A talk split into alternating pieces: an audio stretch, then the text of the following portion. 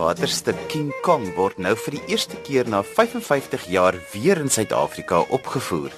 In die produksie wat in die Fugard Theater in Distrik 6 in Kaapstad opgevoer word, word die lewe en loopbaan van 'n swaargewig bokser bekend as King Kong vertel. Wat besonder was aan die stuk van destyds is die akteurs en sangers daarin. Die rolle is vertolk deur Miriam Makeba, Hugh Masekela, Abdullah Ibrahim, Kippie Moketse en Tandi Klasen wat almal hulle eie suksesvolle loopbane hierna gevestig het. name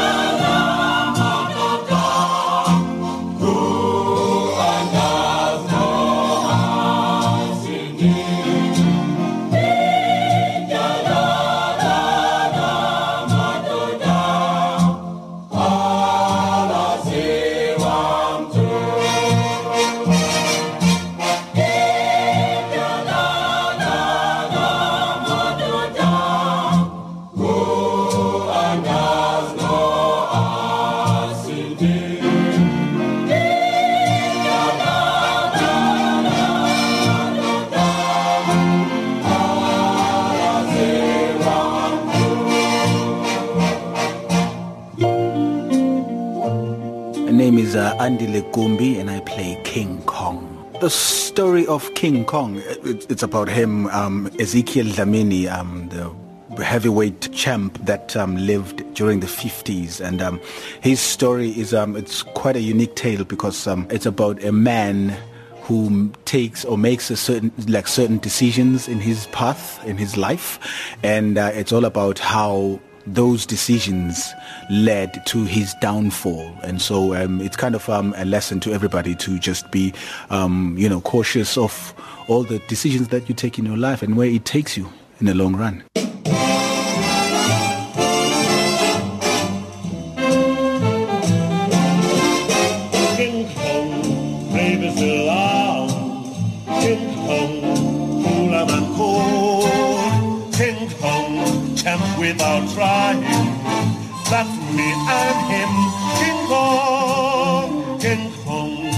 Bigger than King Kong, King Kong, harder than gold, King Kong, knock any ape down. That's me, I'm him, King Kong.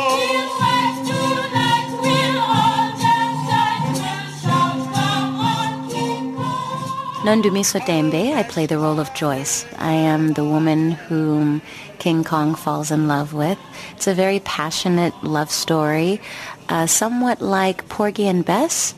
Um, I don't want to ruin it for our audiences to say and, and, and tell them what happens in the end. But, um, you know, what's delightful for me is that we are bringing Sophia Town back to life, uh, a period during our history as South Africans that was so rich and so important. And I think that the show does a wonderful job in balancing the sort of socio-political reality of what it was like um, for black people during this period in apartheid South Africa, but also kind of uh, showing their the fullness of their lives that people were falling in love and you know Joyce is uh, a very passionate jazz musician. She's a jazz singer who um, sort of molds herself after the likes of Mary Makeba and the Billie Holidays and Dorothy Dandridges of the time.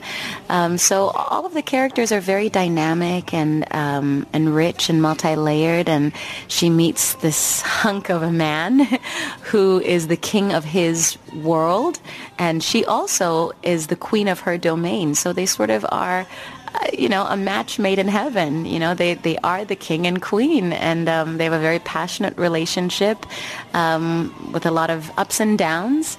Um, but come see the show so you can find out what happens in the end. Tell me a little bit about the experience so far for you during the rehearsal process. I know opening night is in sight. Yeah, the rehearsal process, it's been very intense. Um, um, in a lot of ways, it's been very intense physically, psychologically, emotionally um, like physically because obviously I play someone who's a boxer. So um, we do a lot of training, boxing training, and we work with um, boxing trainer. We work with um, a fight um, coordinator, fight um, captain. So I try to make sure that uh, I look like a convincing boxer. I don't look like an actor pretending to box. So it's been very, very hectic and very physical. Um, and then psychologically, you have to put yourself in a, a, certain space, like a headspace, because this guy was plagued by a lot of demons, and um, those demons are the ones that also made him take certain decisions that led to his downfall. So I have to put myself in that space, and it's challenging. Like I struggle every day and I'm almost every day in tears trying to um, you know bring myself to that position to put myself in that position. And emotionally because he's he's a very he's an emotional kind of person you know. He meets this woman he falls in love and he falls heavily in love with her. So and it kind of drives um, a lot of things and everything that happens beyond that point. So um, I need to put myself in that space. So it's been very challenging and technically, of course, you know, learning the music and uh, making sure that you master all the blockings with um, with the cast and everything. So it's it's awesome, it's fun, but very challenging. Like paper riding in breeze,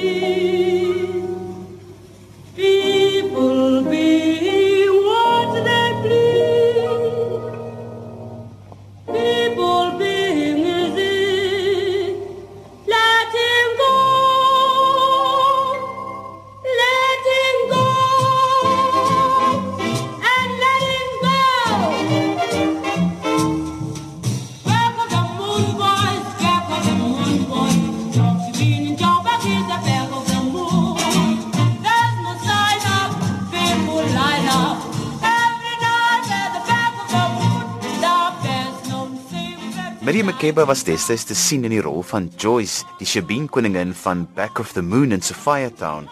Haar lied Back of the Moon is een van die bekendstes uit die stuk wat destyds as 'n jazz opera beskryf is. Nondimamiso Tembe speel hierdie rol van Joyce en ek wil baie weet hoe dit voel om so 'n ikoniese rol te speel. The thing that was really pivotal for me was this incredibly liberating approach that our wonderful director Jonathan Munby has taken, which is to say that uh, we are not approaching this as a revival. We are approaching it as a reimagining of the original piece, which is wonderful because it really gives us an enormous amount of room um, for our own artistic in, uh, interpretations. And so, um, you know, I think there's sort of nothing more hindering for an artist than trying to mimic another person's performance. I mean, Miriam Makeba is one of the greatest vocalists of all time, you know. Um, she was exceptionally brilliant.